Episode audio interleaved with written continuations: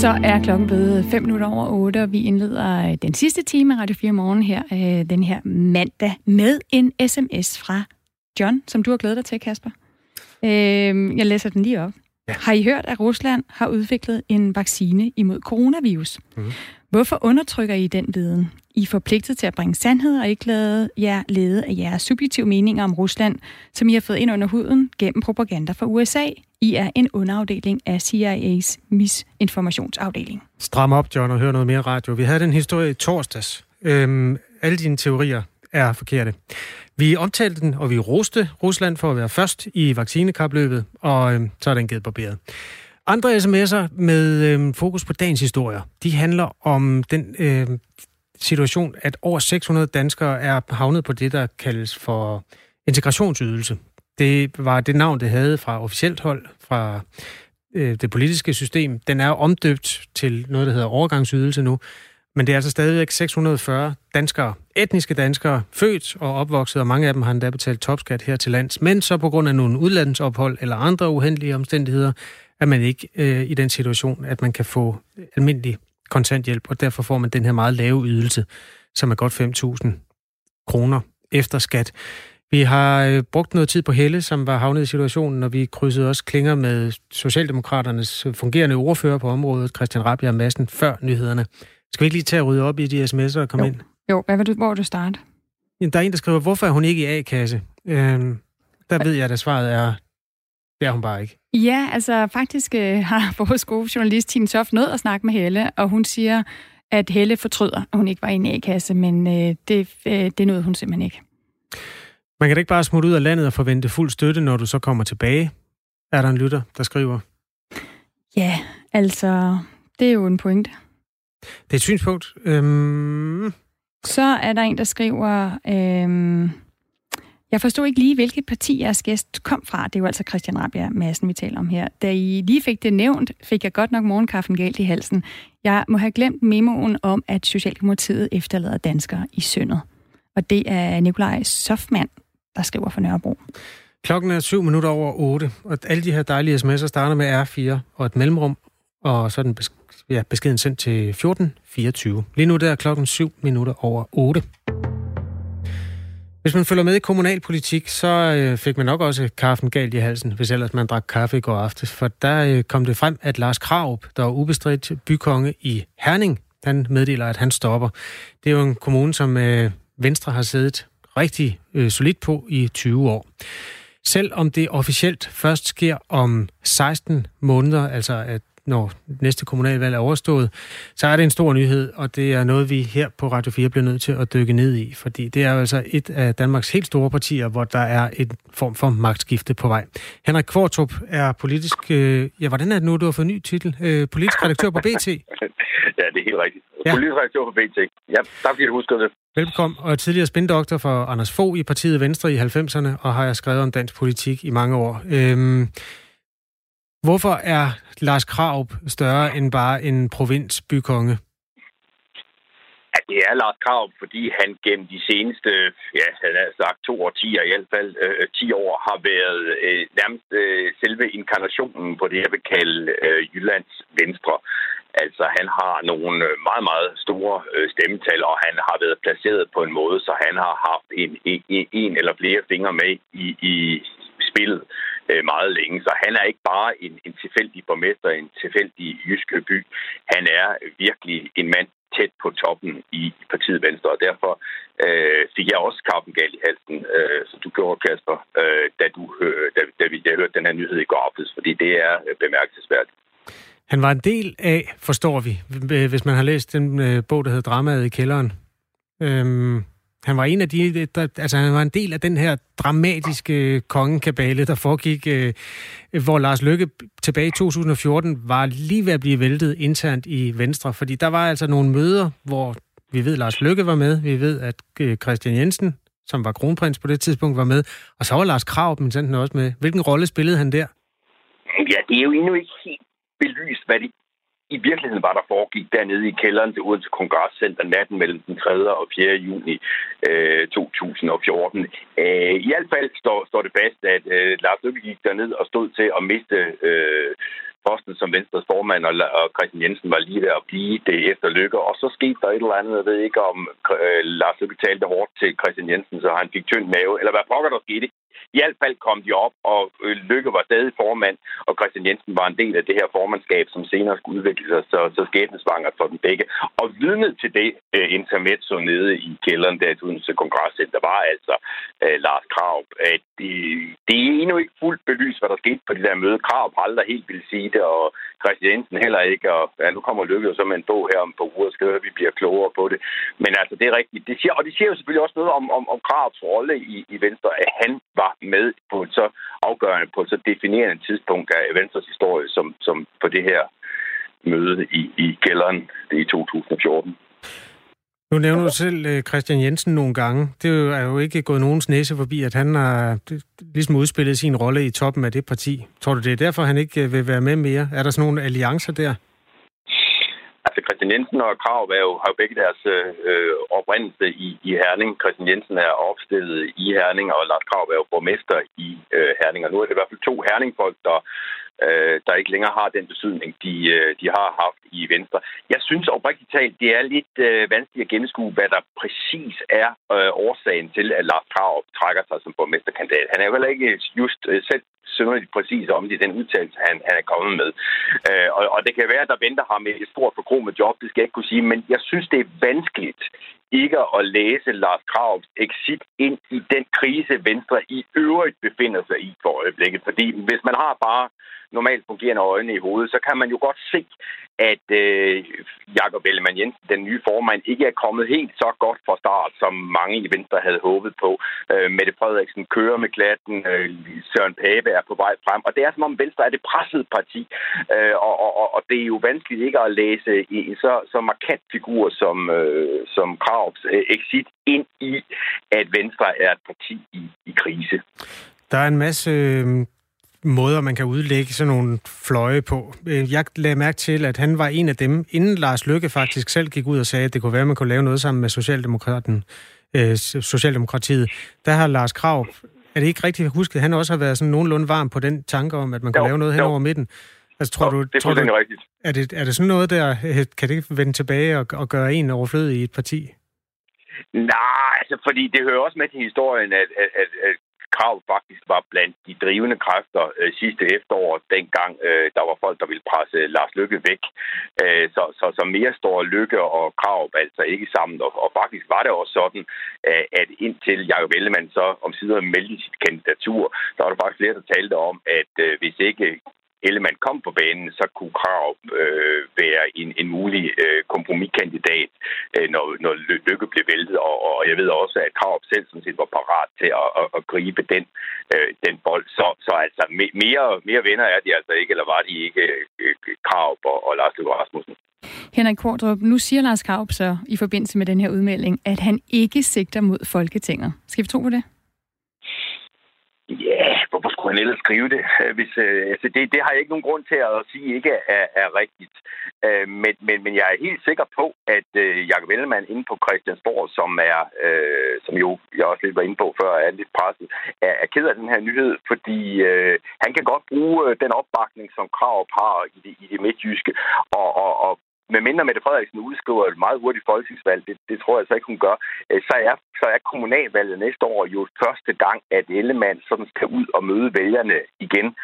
Og øh, der kan, er det altså lidt en streg af regningen, at han ikke har Lars Krav til at trække rigtig mange stemmer i de midtjyske. Så jeg, jeg føler mig ret overbevist om, at øh, Ellemann synes, at det er en, øh, en skidt nyhed, at Krav ikke genopstiller.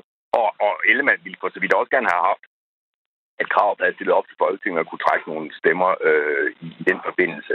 Men altså, noget tyder på, og vi har stadig den, den fulde og gode forklaring til gode, men noget tyder på, at krav ligesom har fået øh, nok ikke gider mere. Ja, og hvis nogen sidder og tænker, hvorfor spørger I ikke bare Lars Krav, så er svaret, det har vi faktisk prøvet. Men øh, han er ikke sådan lige at trække i radioen i første omgang. Henrik Kvartrup, øh, du skal have tak. Vil du lige hjælpe os på falderæbet, hvis vi får fat i Lars Krav? Hvad er så det allerbedste spørgsmål, man kan stille ham? Altså udover, hvorfor han stopper? Ja, men altså, spørge ham, hvad her, spørge ham for eksempel om, hvordan han synes, uh, Jacob Ellemann klarer sig for øjeblikket. Det kunne jeg godt tænke mig at høre det, høre det ærlige svar på, ikke? Dejligt polemiske spørgsmål fra ja. Henrik Kvartrup. Tak for det. Ja, selv tak. Klokken den er øhm, kvart over 8, og det er altså historien om, at øh, Hernings mangeårige venstre bykonge Lars Kraup, han stopper efter 20 år på posten. Til næste år efter det øh, byrådsvalg, som kommer, eller kommunalvalg, som finder sted til den tid. Han er trods øh, så mange år, så hele 24 år i Herning Byråd, så er han faktisk kun 49 år, når han stopper. Så han har jo altså en, en væsentlig erhvervskarriere af en eller anden slags foran sig, når den tid kommer. Så skal, troede jeg, du ville sætte en lille blingeling på. Ja, det kan jeg ja, også godt gøre. Jeg tror, jeg synes bare, det var en god variation, og bare ja. lade, lade stillheden men det, være Men så lad, så lad blive med stillheden. Ja, og så lige... siger jeg ja. Elektronisk fodlænke. Øh, og jeg tænker, om jeg egentlig øh, ville være en af dem, der skulle have haft den på med det forslag, øh, som der nu er kommet fra Dansk Folkeparti i weekenden, hvor man nemlig kan se frem til, at hvis man bryder smittekarantænen, øh, ja, så skal man have en, have en elektronisk fodlænke på. Vi ønsker en øh, karantæne, der bliver overholdt. Hvis man ikke overholder karantænen, så elektronisk fodlænke. Godmorgen, øh, Peter Skorp. Godmorgen. Hvorfor skal man have fodlænke på?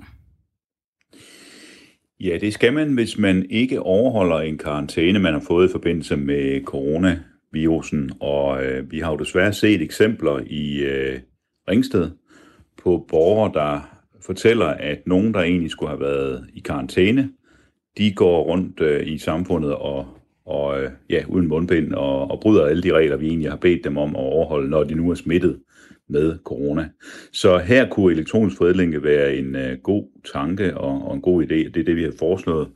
Det er i øvrigt noget, man kender fra øh, visse andre lande også, hvor øh, man har løst øh, nogle udfordringer omkring sådan nogle ting med en elektronisk fodlænke, altså med forholdsvis ny teknologi. Det synes vi er fornuftigt. Altså, det er jo interessant, hvordan det her skal fungere. Ikke? Jeg har selv været i karantæne i 14 dage, fordi jeg øh, kom tilbage fra, fra USA. Men jeg måtte jo godt gå ud og købe ind øh, mad og tøj og så videre. Altså, hvordan, øh, hvordan vil I holde øje med, hvor folk ikke må bevæge sig hen, hvis man øh, er i karantæne? Ja, altså det er jo det, der er udfordringen, at øh, der er nogen, der øh, bevæger sig rundt på en måde, hvor man ikke overholder de krav, man har fået af myndighederne. Jeg er sikker på, at du har overholdt de ting, du skulle, da du nu kom i karantæne, men der er altså nogen, der har gjort lidt grin med det og været lidt ligeglade med kravene, øh, når man er i karantæne og isolation. Og der må man bare sige, det er jo ikke godt. Altså så, så ryger de, den indsats fløjten, og så har vi jo fået nogle henvendelser, blandt andet fra Ringsteds borgmester om, at der er nogle der er altså nogen, der ikke, der ikke gider. Øh, og hvad skal man så gøre, når firmaet har forsøgt, hvad man skulle, Danish Crown? Og, og øh, det er åbenbart ikke lykkes. Vi kan lige sætte øh, nogle fakta på det her om øh, fodlænke, som jo er noget, øh, I har lov til at, at beslutte, fordi at øh, et flertal i Folketinget øh, i foråret vedtog epidemiloven, som giver myndighederne ret vidtgående beføjelser til at bremse coronasmitte. Øh, loven giver myndighederne mulighed for, for påbud om selvisolation. Hvis det ikke efterkommes, så kan myndighederne i yderste konsekvens tvangsindlægge personen med hjælp fra politiet. Og så indtil videre, der øh, har muligheden om, om mere tvang jo ikke været, været brugt, øh, selvom, som du siger, der har været øh, eksempelvis Ringstedborgere, der har klaget over, at smittet fra, slag, fra, fra det her slagteri ikke overholdt øh, mm. deres karantæne. Peter Skåb, skal politiet kunne gå ind i folks hjem? Ja, i princippet ja. I den sidste ende, jeg håber Kræver det ikke en dommerkendelse? Langt, Altså med, med epidemiloven, så, så gør det ikke. Øh, så, så har der givet nogle øh, muligheder til politiet så, og myndighederne, som er helt, helt vanvittigt store, kan man sige, øh, fordi det har været så alvorligt, som det har været. Heldigvis har det ikke været brug, men øh, det kan jo komme på tale, og vi har jo også nogle problemer i indvandrermiljøerne, hvor man mødes i store grupper til begravelse og hvor der har været noget smitte, altså i nogle bestemte miljøer.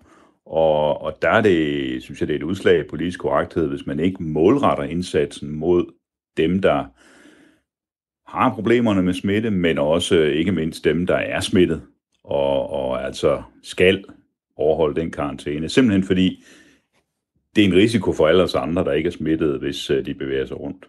Så øh, det skal jeg lige forstå. at det de grupper, som i for eksempel den sidste uge har haft en, en overrepræsentation af smitte, i en uge har vi set, at det har været øh, bestemte grupper af etniske danskere. Lige nu ser vi det unge. Er det så der, man skal rette indsatsen med fodlænker? Hvis man har smittet, der er i karantæne, efterfølgende isolation, der bryder det, så er det, vi siger, jamen så er øh, en elektronisk fodlænge jo ikke særlig indgribende. Det kræver ikke besøg af politiet. Man kan holde øje med, om man går ud. Og det er det, man har brugt en elektronisk fodlænke til øh, i, øh, i forskellige andre lande. Øh, ja, der kan man sige, der har man brugt den endnu mere end det, fordi der har man faktisk gået ind i forbindelse med selve karantænen og givet en elektronisk fodlænke, for at undgå, at folk skulle på hotel eller på nogle statsejede øh, barakker, så har man simpelthen sagt, at du kan faktisk godt være hjemme og, og have din karantæne øh, og, og måske isolation, men du skal du skal så have en elektronisk fodlænke på. Så hvornår skal jeg fodlænke på? Altså, hvordan, opdager, hvordan skal vi opdage, at nogen bryder deres karantæne? Det er jo ikke alle, der er i karantæne, du vil have, skal have den her fodlænke på, vel? Det er, hvis man bryder den. Hvordan opdager, opdager vi det? Jamen, i høj grad er meget af det her lagt ud til kommunerne, så, så det vil jo i givet fald være, hvis øh, en kommune siger, jamen, vi har altså nogle borgere her, som vi gerne vil afsondre, fordi vi er bange for deres smitte, de smitter andre, de bryder den øh, karantæne, de har fået, de, de lytter ikke til os, så kunne en elektronisk fodlænke i mine øjne være en, en oplagt idé. Øh, vi har talt med øh, adfærdsforsker professor Michael Bang petersen fra Statskundskab på Aarhus Universitet, og han mener, at man skal være påpasselig med at sætte sanktioner op. Prøv at høre. Fundamentet for coronastrategien her i Danmark, det er, at folk er villige til at lade sig teste, og at de gør det selv, når de har øh, meget milde øh, symptomer. Det er ligesom kernen i øh, strategien. Og det betyder, at man skal være opmærksom øh, på at være varsom med at øh, dels gøre det til en skamfuld øh, ting at øh, lade sig teste og komme ud med et positivt resultat, men også at man skal overveje, hvor mange konsekvenser øh, det skal have at lade sig teste positivt, fordi det måske kan afholde øh, folk fra at øh, lade sig teste, hvis de kun har meget lette øh, symptomer. Peter Skub, kan det være et problem, øh, tror du, at, øh, at flere øh, øh, vil, vil lade sig teste selv ved milde symptomer, hvis I, hvis I får det her igennem? Nej, jeg tror, jeg tror altså det, det han peger på er vel, at, at øh, hvis man gennemfører forskellige nye tiltag, så kan der være nogen, der ikke vil lade sig teste, fordi de vil ikke risikere at komme ud i for eksempel elektronisk fodlægge. Jeg tror ikke på det, fordi den her tanke handler jo om nogen, der er smittet, har besluttet sig for, at de gider ikke lytte til myndighederne. De bryder øh, den karantæne, de er i. De, de flander rundt alle mulige andre steder. Så, så vi er så langt ude, så jeg tror simpelthen ikke på, at det er det, der er problemet. Men altså, okay, worst case kan man selvfølgelig sige, jamen på et slagteri har Danish Crown jo sagt, nu må I blive testet alle sammen. Øh, det er jo ikke en, man kan sige, det er ikke en frivillig ting direkte. Man går ikke hen og siger, jeg vil gerne testes. Nej, her siger man, for, for at sikre, at slagteriet kan fungere, så tester vi alle. Og der kan godt være nogen, der, ikke, der simpelthen bare ikke gider lytte til, til at, at nu er man blevet testet, nu er man fundet smittet, nu er man fundet smittet, nu er man i karantæne. Og det, det er bare øh, prisen så. så. Men vi taler om en meget, meget lille gruppe, øh, og, og, og jeg synes, man er nødt til at gøre det hensyn til os alle sammen. Altså jeg synes, man er nødt til at overholde den karantæne og isolation, man får af hensyn til resten af befolkningen. Det sagde du, Peter Skorup, altså retsordfører for Dansk Folkeparti, øh, om den her idé om, at øh, der skal, vi skal have fodlænke på, i hvert fald nogle af os, øh, hvis der er bevis for, at vi ikke overholder karantænen. Klokken er 6 minutter i halv ni den her mandag morgen, og nu skal vi en tur til Hvide Rusland. Og her var der i går kæmpe, altså som i kæmpe store demonstrationer mod den siddende præsident Alexander Lukashenko.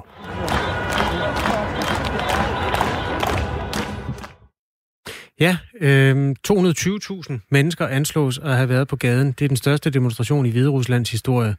Det sker på bagkant af et valg, som mange mener er foregået uregelmæssigt. Godmorgen, Flemming Spidsbol. Ja, godmorgen. Seniorforsker hos Dansk Institut for Internationale Studier med speciale i Rusland og det postsovjetiske område, hvor Hvide Rusland er en meget vigtig del. Alexander Lukashenko har siddet på magten i Hvide Rusland i 26 år. Hvorfor er det nu, der kommer en folkebevægelse imod ham?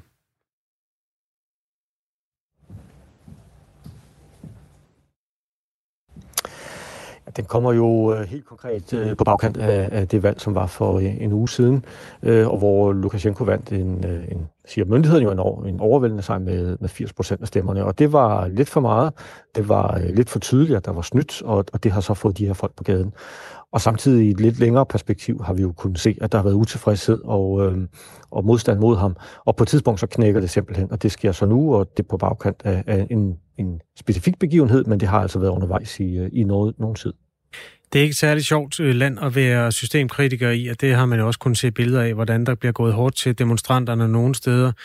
Er der nogen særlig grund til, at man, hvad skal man sige, føler vind i sejlene nok til, at man tør gå på gaderne og demonstrere nu?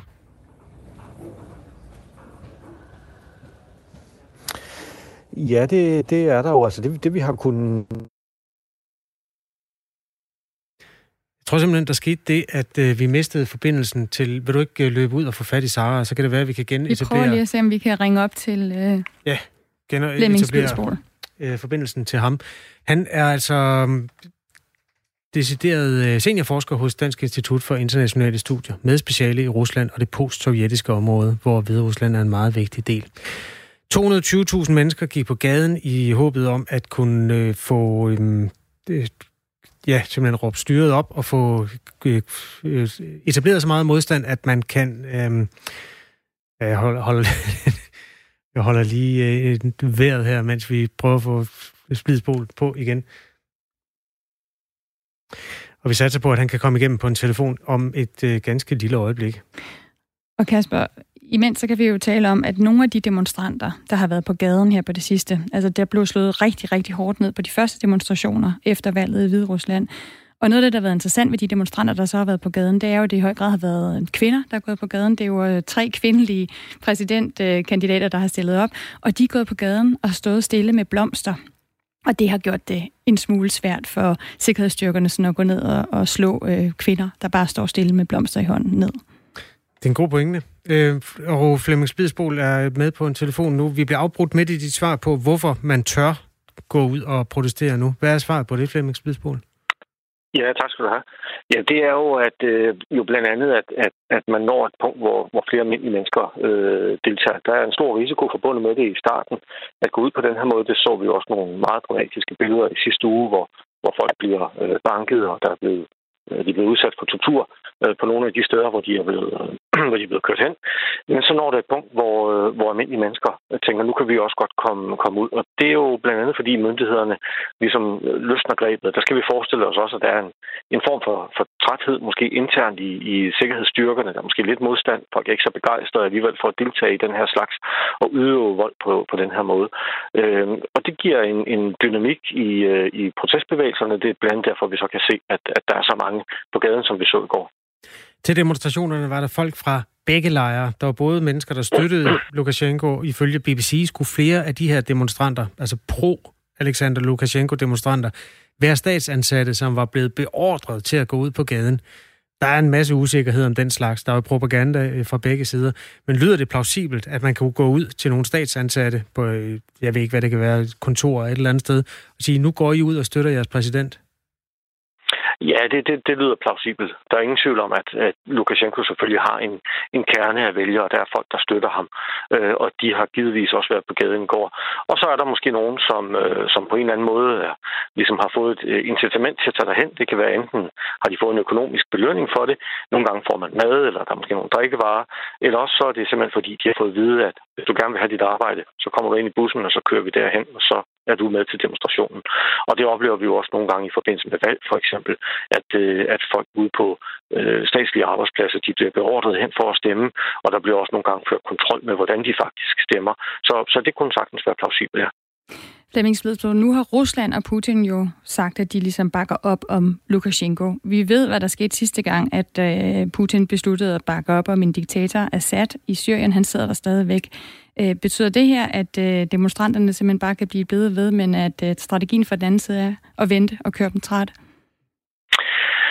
Ja, strategien er måske lidt at køre dem, køre dem trætte. Øhm, Lukashenko, da han talte i går, afviser en nyvalg. Øhm, han har ikke noget egentlig alternativ. Han kan forsøge måske at, at sætte et sidste stød ind, hvis det skulle være at se, om han kan lukke hele den her protestdemonstration ved at, at få sine sikkerhedsstyrker til at, at tage fat i folk, måske nogle af lederne af de her øh, demonstrationer, og så prøve at få dem knækket på den måde. Men ellers så tror jeg, at demonstranterne de vil, øh, de vil vente, de vil blive ved med det her, og så vil de se, om, om de på en måde kan slide ham lidt op. eventuelt via nogle strækker. Øh, vi vil ikke se en udvikling øh, som, i, øh, som i Syrien. Det, det vil være meget anderledes. Det er ikke umuligt, at der kunne komme russiske tropper, men deres rolle vil så være helt anderledes, end den har været i Syrien. Øh, og der tales nu fra fra russisk side om også, øh, at man er villig til at yde militær hjælp, hvis det skulle være. Og man i tale sætter det både internt i Hvide Rusland, men også i Rusland, som en ekstern trussel. Det vil sige, det er lande uden for Hvide Rusland, f.eks. Polen eller Litauen, som forsøger at omstyrte præsidenten og destabilisere hele samfundet. Tak for vurderingen, Flemming Splidsbol. Selv tak. Seniorforsker hos øh, Dansk Institut for Internationale Studier. Klokken er passeret halv otte. Halv ni, for himlens skyld. Ja.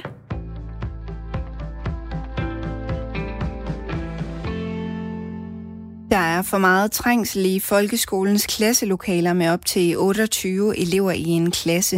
Og hvis det står til SF, så skal klasseloftet sænkes til maksimalt 24 elever per klasse. Det siger SF-formand Pia Olsen Dyr forud for partiets sommergruppemøde i Harbo Øre i dag. Loftet det skal indfases, så det gælder for alle nye årgange. Vi har jo kunnet se her under coronaen, at eleverne de øh, trives langt bedre med færre elever i klassen. De har simpelthen været inddelt i meget mindre hold, og der har været mere tid til den enkelte elev. Den anden del, det er selvfølgelig, at vi er dybt bekymrede for, at der er så mange elever, der øh, flytter fra folkeskolen over i privat- og friskolerne, og vi vil jo gerne have, at folkeskolen er for alle, øh, alle børn. Øh, og det kræver altså også, at vi investerer mere i vores folkeskole. Sådan siger SF's Pia Olsen Dyr. Der skal fortsat være mulighed for dispensation på grund af særlige forhold, men der skal ifølge SF kun dispenseres, så der maksimalt kan være op til 26 elever i en klasse. Forslaget det vil ifølge SF koste 100 millioner kroner i 2021, og det er en del af SF's samlede finanslovsudspil. På længere sigt der vil udgiften til klasseloftet stige årligt. Efter 10 år vil det skulle finansieres med 1,9 milliarder kroner, lyder det fra partiet. Det er vigtigt, at sporingsapps til coronasmitte fungerer på tværs af lande. Det har regeringen understreget flere gange. Og samarbejdet med at få det til at fungere har været, nej undskyld, arbejdet med at få det til at være, fungere har været i fuld gang hen over sommeren. Inden for de næste måneder, så vil den danske app Smittestop, som har en decentral løsning, kunne arbejde sammen med andre landes apps med samme løsning. Og det er utrolig vigtigt, det vurderer Camilla Gregersen, der er formand for Dansk Magisterforening og en del af myndighedernes ekspertpanel i udviklingen af en dansk app. Covid-19-virus, den er jo fuldstændig ligeglad med nationale grænser, og man kan jo godt blive smittet af en person, som kommer fra Tyskland eller Sverige, og derfor vil det være optimalt, hvis man kan få en melding om, at nu man er så blevet smittet, også hvis det er en, der har en udenlandsk app.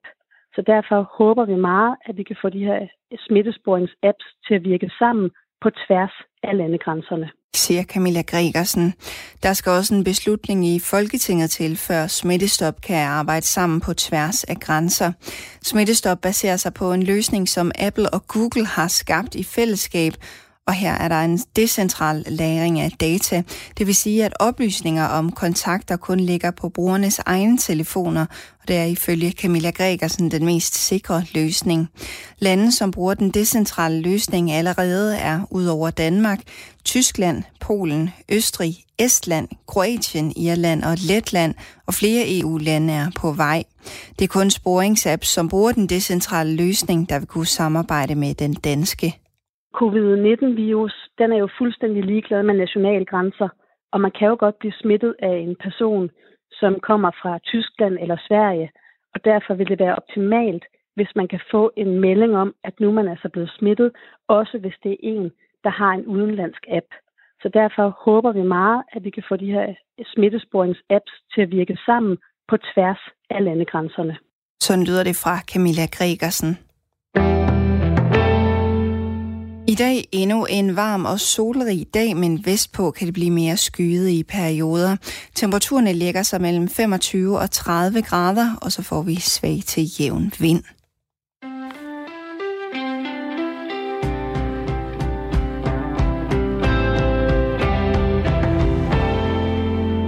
For en halv times tid siden i Radio 4 morgen, der havde vi lidt motivforskning med hjælp fra politisk redaktør hos BT, øh, Henrik Kvartrup, om hvorfor det kan lade sig gøre at øh, trække sig efter 20 år som bykonge i Herning. Det er jo Lars Kraup, som er Venstres borgmester på de kanter, der lader fortælle i går aftes, at han ikke vil genopstille.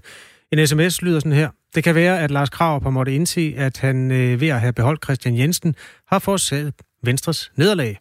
Da Christian Jensen blev forrygt og fik væltet Lars Lykke, og dermed dømt Venstre ud i mørket i æoner af tid fremover. Øv! Der er også en lytter, der har skrevet ind, øh, hvor er både vært og Kvartrup dog uforskammet, ondskabsfulde og ægle at høre på med jeres konstante tilsvining af Ellemann. Det er aldeles øh, skamligt at høre på. Jeg vil ønske, at jeres ondskabsfuldhed fik konsekvenser, for der er slet ingen grænse for, hvad I kan tillade jer. Du kan simpelthen selv være ægel. Jeg har aldrig sagt noget dårligt om Jakob Ellemann. Jeg har godt lagt mærke til, at kommentatorkorpset synes, at Jakob Ellemann er øh, en svag formand, fordi han aldrig er oppe og slås med de andre. Øh, det står fuldstændig for Henrik Kvartrups regning. Jeg har ikke sagt et ord om Jakob Ellemann. Tak. Hør efter, hvis du skal høre Radio 4 morgen. Øhm, det vi ved er, jo, at vi skal tale med Lars Kravup kvart i. Det er jo det, der er det vigtige her, og vi ved også, at vi har et spørgsmål for Henrik Fordrup. Vi har også selv en masse spørgsmål, som vi stiller videre. Du kan også skrive ind til os på 1424. Start din besked med R4, hvis du har høflige, venlige eller kritiske spørgsmål til Lars Krav. Man må gerne kritisere. Man må også gerne kritisere os. Man skal bare gøre det på et, øh, en klangbund af fakta, og ikke hvad man tror, man har hørt. Klokken er 8.36, og skal vi lige øh, vende tilbage til pressemødet? Det er nemlig det, vi gør. Vi vender tilbage til det pressemøde, der var lørdag formiddag, hvor vi altså øh, ligesom fik meldt ud, hvad der sker her under fase 4, og på det pressemøde, der blev der også løftet en pegefinger. Fordi vi danskere er åbenbart øh, ikke særlig gode til at bruge den her nationale corona-app korrekt. Så sundhedsminister Magnus Heunicke, han kom med en opfordring. Og en opfordring til alle jer, der har downloadet den. Tag jeres telefon og lige se på den en gang, og det er altså vigtigt, at den er aktiv. Der er nogen, der downloader den og glemmer at have den aktiv. Så går det jo ikke. Så husk det nu, den skal altså være aktiv. Og jeg der ikke har downloadet den, overvej at få den ind på jeres øh, telefon også.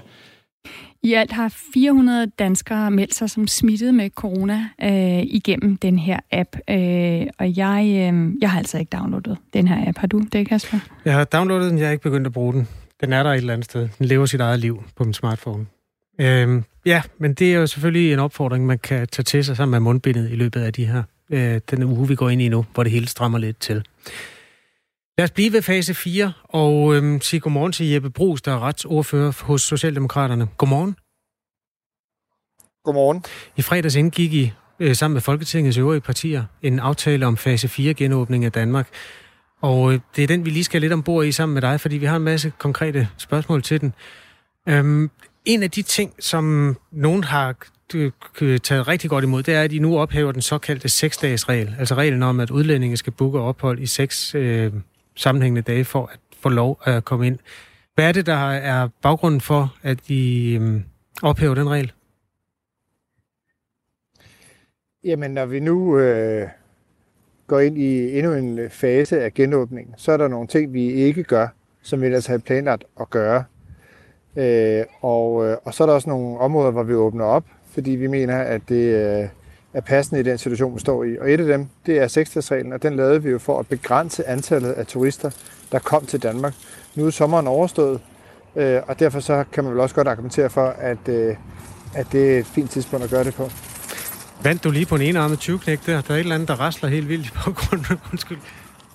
Ja, jeg beklager, jeg står herude i morgentrafikken. Jeg har forsøgt at stemme lidt væk fra vejen, men okay. uh, der er altså nogle cykler, der cykler forbi med okay, forskellige lyde, åbenbart. Det er godt, Jeppe Brugs. Bare for at uh, lige deklarere dig. Vi skal snakke jeg, om... jeg er ikke i noget casino, det kan jeg godt afsløre. det er godt at høre. Sidst vi havde øh, dig med i Radio 4 morgen til en snak om seksdagsreglen, der øh, forsvarede du den. Vi skal lige høre, hvad du sagde på det tidspunkt der.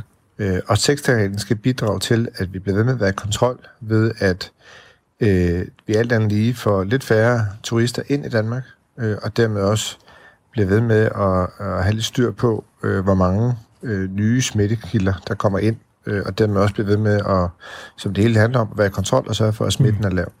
Det du sagde på det tidspunkt, Jeppe Brugs, var jo, hvis jeg skal sådan parafrasere det, at man begrænser antallet af turister ved at gøre øh, opholdene længere. Betyder det, at der er fri adgang for turister nu, hvis ellers de kommer fra lande, hvor øh, tallene de ikke er, øh, er røde? Jeg vil sige, øh, øh, det jeg sagde, som du lige har afspillet, og det jeg lige sagde før, øh, passer fuldstændig sammen, heldigvis. Øh, fordi 63 var nemt til at begrænse antallet af turister for at sørge for, at samtidig med, at vi åbner op, at vi bliver ved med at være i kontrol. Og det er det, det, det handler om. Øh, det er også det, det handler om nu. Og, øh, og det er klart, at når man fjerner seksdagsreglen, øh, så er der mere fri adgang øh, for turister for de lande, der er åben for. Øh, og det vil sige, det, det er der. Øh, omvendt skal man sige, så er den store turismesæson også ved at være overstået. Og, øh, og vi er et sted, hvor vi er i kontrol, øh, men vi er også et sted, hvor der bliver ved med at være virus, og den er stigende. Øh, og derfor så er det hele tiden den her balancegang imellem på den ene side at sørge for, at vi kontrol indfører nogle restriktioner, og samtidig har vi jo ikke haft noget som helst tidspunkt haft ambitioner om, at tingene skulle have lukket længere, end vi mente, det var nødvendigt. Øh, og det er også derfor, at der er nogle ting, vi åbner nu. Lad os gå videre til de ændringer, der er lavet i forhold til nattelivet. Barnes åbningstider bliver udvidet, så en bar, et værtshus, nu kan holde åbent til klokken 2 om natten. Med den lille fodnote, at gæsterne skal være kommet ind ad døren før klokken 23. Øhm, på den måde sørger man altså for at øh, have lidt mere kontrol over, hvor mange der sidder på barne, også selvom at øh, promillerne er lidt højere. Hvordan skal det helt konkret håndhæves? Altså at dørene lukker kl. 23, når de åbner indad, men at man stadig kan gå ud af dem indtil klokken 2? Jamen helt konkret, så vil det være sådan, at hvis du er, har en bar eller en restaurant, og du beslutter dig til, at jeg vil gerne have muligheden for at åbne til klokken 2, så må du ikke få nye gæster ind efter klokken 23. Øh, og ligesom alle andre øh, restriktioner, så er det jo den ansvarlige barejer eller restaurantejer, øh, der står til ansvar over for myndighederne, hvis man kontrollerer, at det ikke er sådan. Eller hvis der er nogle gæster, der siger, hov, det er da egentlig mærkeligt. Øh, gæsterne her, de siver jo ind og ud af døren. Øh, så, så det er en mulighed, man har øh, for at udvide åbningstiderne, men omvendt, så også med den restriktion, at så kommer der ikke nye gæster ind efter kl. 23. Vil barnet modtage bøder, hvis de ikke overholder det her? Ja. Hvor store, ved du det?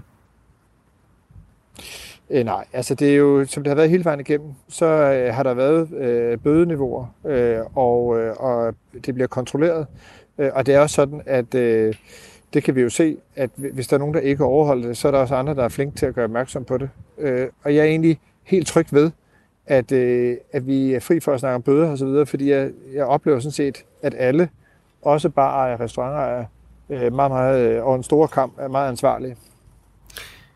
Et af de andre nye tiltag i kamp mod coronasmitten i Danmark er kravet om, at mundbind i al kollektiv trafik i alle tidsrum bliver indført fra lørdag. Lige nu fortæller DSB i øvrigt, at de, altså på de kanter ved man ikke endnu, hvordan det krav skal håndhæves. Øh, det kan vi jo få dit bud på, Jeppe Brugs. Altså, hvordan skal man håndtere det i et tog som togfører, hvis man går igennem, og man opdager, at en af passagererne han ikke har taget mundbind på og ikke har tænkt sig at gøre det? Ja, så skal man bede vedkommende om at øh, at stå af toget. Det er klart, det er jo ikke, mens man er i fart, men øh, ved den næste dog station. Øh, øh, dog ikke. Øh, men men det, det er øh, et adgangskrav for at bevæge sig rundt i den kollektive transport, og det vil jo så blive kontrolleret, når man går igennem toget, eller hvis der kommer i en bus, at der kommer billetkontrol, så vil de jo så øh, bede dem, der ikke har mundbind på, om at stå i bussen. Hvis vedkommende nu ikke gør det, altså hvis man er sådan øh, anarkistisk anlagt, at man i forvejen har valgt øh, at, at skide på den regel, der handler om, om masken, tror du så, at øh, altså er der nogen, øh, noget mere i værktøjskassen til de togfører, der skal ud og håndhæve den slags? Altså nu er jeg ikke ekspert på præcis, hvordan DSB vil gribe det der an, men jeg antager, øh, ud fra et øh, almindeligt perspektiv, at det må være på samme måde, så hvis ikke man har betalt sin billet, så kunne man jo også godt være anarkist og sige, det nægter jeg at gøre. Øh, og, øh, og så i sidste ende, så, så finder man ud af at enten at håndtere situationen, hvor den er, øh, og hvis det går helt galt, så må man jo tilkalde øh, politiet. Er der nogen øh, tanker om, at de vil udstyre DSB eller nogle trafikselskaber med mundbind, som de kan putte på folk? Eller altså, hvor, hvor er det op til den enkelte stadigvæk at håndtere det her? Altså det er op til den enkelte at sørge for, at man har et mundbind, når man går med. Hvordan man så konkret håndterer det, Øh, det, det, det tænker jeg også, at, at DSB og andre er ved at finde ud af. Øh, men ansvaret for at have mundbindet med, øh, det er altså den, der stiger ombord på bussen eller toget eller metroen eller hvad det nu er. Jeppe Brugs, vi har fået et spørgsmål fra en lytter, der hedder Erik, øh, som siger, hvorfor har man ikke tilføjet en bøde i forhold til mundbind påbudet, hvis, øh, hvis det ikke overholdes, som man har det i andre lande? Og hvorfor er der en aldersgrænse på, på over 12 år? Man kan vel også smitte, hvis man er under 12?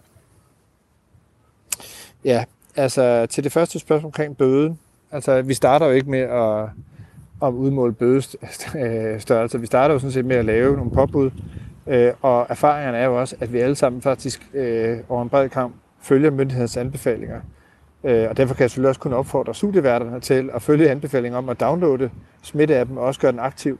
Øh, fordi det er jo det, hele indsatsen øh, bygger på. Øh, og så er det det her 12 spørgsmål. Øh, jeg øh, ved ikke, om jeg kan svare præcis på det. Jeg tror egentlig, man skal spørge sundhedsmyndighederne. Jeg antager, at det også er fordi, at øh, det kan være svært for nogle børn øh, at have et øh, mundbind på. Øh, og, øh, og så ved vi jo godt, at øh, børn selvfølgelig også godt kan være smittet, men at, øh, at de heldigvis er det i, i, et, i et mindre omfang, øh, også i forhold til at blive syge og så videre end, øh, end andre. Men, men den præcise årsag til, til 12-årsreglen, øh, det tror jeg simpelthen til at spørge øh, sundhedsmyndighederne om med den anbefaling. Du skal have tak, fordi du var med, Jeppe Brugs, retsordfører hos øh, Socialdemokraterne. Ud i morgentrafikken Selv tak, og så lige. Og så lige endnu en opfordring, både til jer og til alle andre, om selvfølgelig at downloade og aktivere smitteappen. Det vil være rigtig fint. Og Jeppe Brugs, jeg kan lige sige, at det, øh, mens øh, vi lige lægger dig ned, så prøver jeg at gøre det, for vi har nemlig også fået et, et spørgsmål fra en lytter, øh, en 74-årig lytter, som skriver, skriver, hvordan downloader man øh, corona-appen? Jeg er lige så udvidende som mange andre. Kunne Radio 4 hjælpe os? Så jeg prøver lige at stå her og downloade, mens vi går videre og ser, og, og så kan jeg forklare, hvordan man gør det, det hvis godt. jeg kan finde ud af det. Har du nogen tip, Jeppe Brugs? Hvad er første skridt? Det er inde i App Store, og så bare skrive smitte-app. Smitte-app, ja, for jeg skrev, nu har jeg skrevet corona-app, og så kommer den nemlig ikke. Så det er jo vigtigt. Ja, nu skal jeg her. To sekunder, nu står jeg lige stille på min cykel, fordi jeg har den selvfølgelig. Og den hedder, den hedder ikke smitte-app, den hedder smittestop selvfølgelig. Smittestop. Så For smitte-app, der får jeg nemlig heller ikke noget. Okay, smittestop, Smittestop. skriver jeg nu. Og Så kan det være, at vores øh, lytter er på den faktisk 74 kan følge med. Vi skriver altså smittestop. ind i, i App Store, som det jo hedder på dansk. Ja. Øh, altså den øh, butik, hvor man køber eller downloader apps, og den her den er ganske gratis. Øh, og så søger man simpelthen på smittestop. Jeg kan se den her. Så det, det er det, man gør, og det er, der er sådan en lille symbol med ligesom øh, to så der er kædet nemlig- sammen, og den ene er så brudt. Præcis, og så skal man faktisk aktivere den, det vil sige, at den, skal, den fungerer på telefonens Bluetooth. Og det er det, der gør, at det er en decentral løsning, så man ikke sidder centralt og kan følge med, men at man altså registrerer sig i, i, øh, i hvad, hvad for nogle andre telefoner, der er i nærheden, der også har den her aktive app. Jeppe Brugs Mads, han skriver til os, du skal altså have adgang til utrolig meget strøm for at have app, og især Bluetooth kørende evigt, og eftersom det også er ret udbredt at have appen i for eksempel et køretøj, øhm, altså, ah, han skriver en hel masse ting, men kort og godt, den, det bruger meget strøm, det der Bluetooth. Det gør den helt sikkert. Øh, hvor meget, det ved jeg ikke. Øh, min har været tændt hele tiden. Øh, så baseret bare helt på min egen øh, lille erfaring, øh, så synes jeg ikke, at jeg har mærket en stor forskel på min telefon. Okay, Jeppe Bro, sidste spørgsmål. Nu har jeg fået den downloadet. Så står der, den vil gerne sende mig en notifikation, og det skal jeg jo så tillade. Det er Øh, vel det synes jeg er en rigtig god idé at tillade, fordi hvis du så har været i øh, nærheden af nogen, der har registreret sig som smittet, så er det meget smart, at øh, du får en notifikation, altså en meddelelse på din telefon om, at nu skal du altså være opmærksom og gå ind og tjekke den her app. Så det synes jeg, du skal slå til. Det lyder godt. Jeg øh, går igennem en masse samtykker, jeg skal give her, og det kan være, at nogle af vores lyttere kan følge med og så prøve at downloade Du det. skal læse dem alle sammen, Stine. Det, Øj, er- det er okay. staten, det her. Men, Øh. men jeg vil bare sige til det, og, og lige præcis den, sådan du ved, det er staten, og sidder vi nu og overvåger. Den løsning, som jeg også var inde på, der er valgt her, handler jo netop om, at det er en decentral app, og det vil sige, at man kan ikke sidde og overvåge din færden, og man kan ikke sidde og overvåge, hvem har du været sammen med osv. Og, og det er faktisk sådan, at hvis du nu registrerer dig som smittet, øh, så får, og vi har været i nærheden af hinanden i mere end 15 minutter, så får jeg besked. Men det kan myndigheden ikke sidde og følge med i, at jeg har fået den besked. Så det eneste, man kan se, det er, at der er nogle andre, der er blevet, øh, har fået den her besked, men man kan ikke se, hvem og hvor det har været. Så der er ikke nogen overvågning her.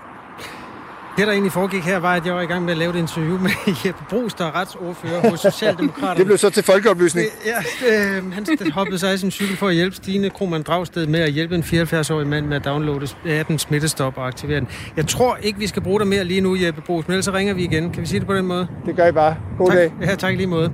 Hej. Hej, hej. Hej. Klokken er 8.49. Ellers noget, Stine? Øh, nej, jeg tror lige, jeg venter med resten af appen her, men der står, den er aktiv nu. Der er simpelthen en knap, der lyser grønt. Kan du se, om Så- du har corona? Om jeg har corona, er du testet positiv? Gud. Nej, så skal jeg lige logge ind med nem ID. Ja, det vender vi tilbage til. ja, det gør vi. Nå, nu skal jeg lige finde ud af, hvor vi kommer hen til her. Jeg tror simpelthen, vi skal hilse på Lars Krav. Det er jo det, fået, vi skal. Han har fået lov at hænge, mens du har kørt dit uh, supportshow der. Undskyld, du har hængt så længe, Lars Krav. Ja, det gør ikke noget. Det var meget folkeoplysende. Var det ikke det, I kaldte det? det, det var det. Det kender du til.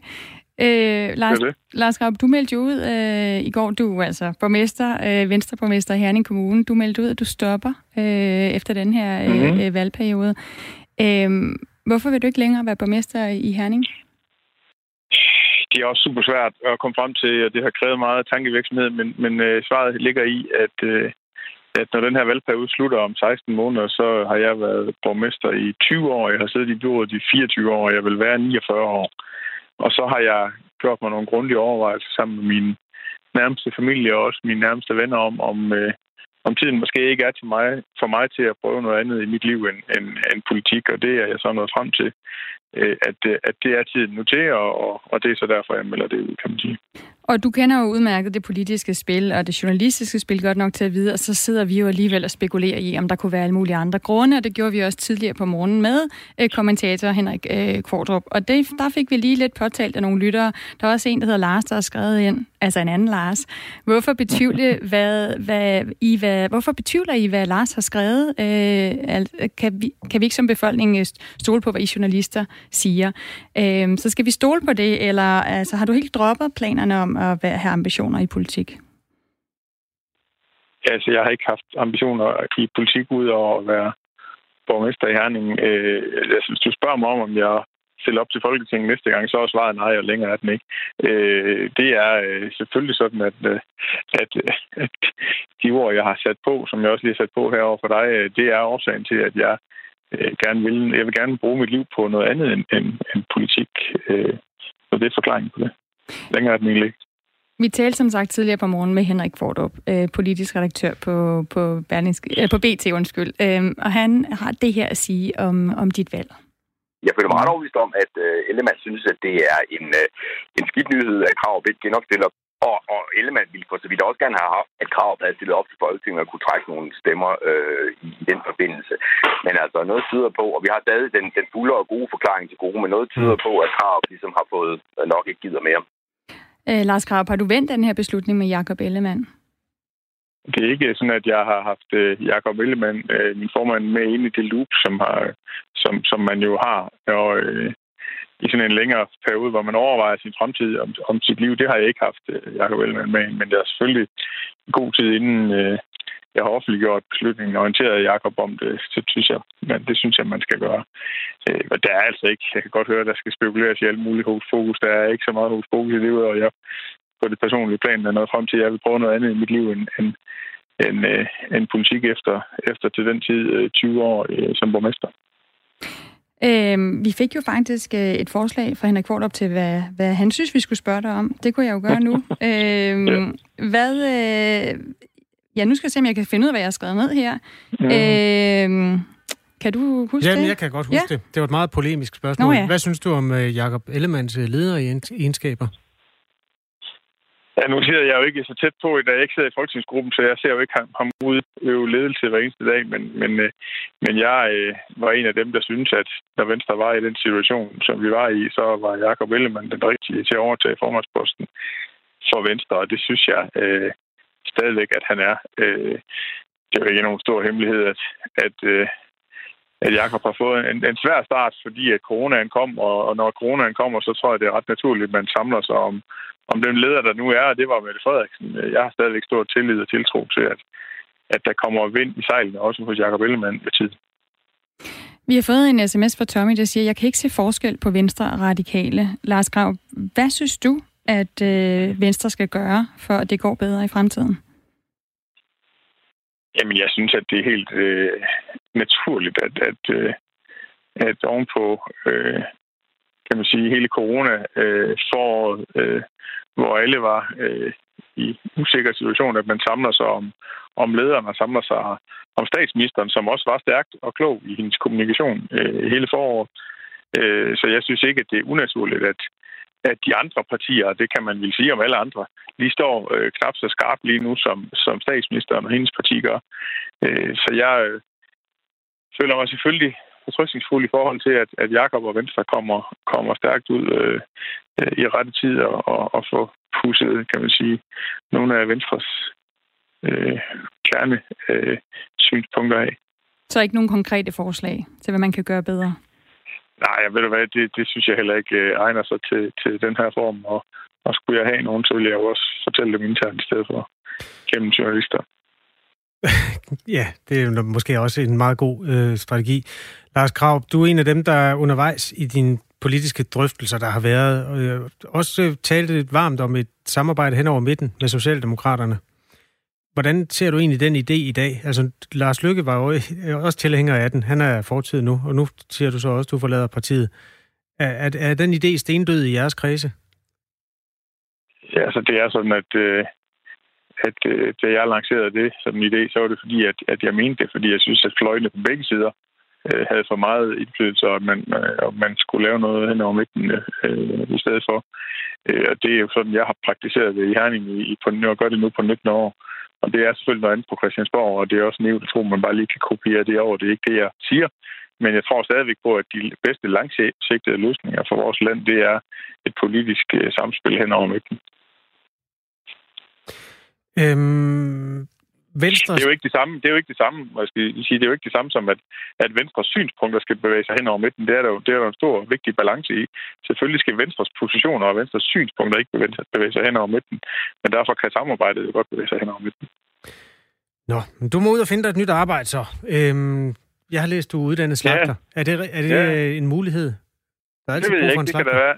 det kan der være. Jeg har altid sagt, at det er vigtigt at tage sig en erhvervsuddannelse, så man har når man kan bruge hænderne til, og så man har noget at falde tilbage på. Så det kan da være, jeg skal det. Nu må, se, nu må vi se, hvad tiden nedbringer.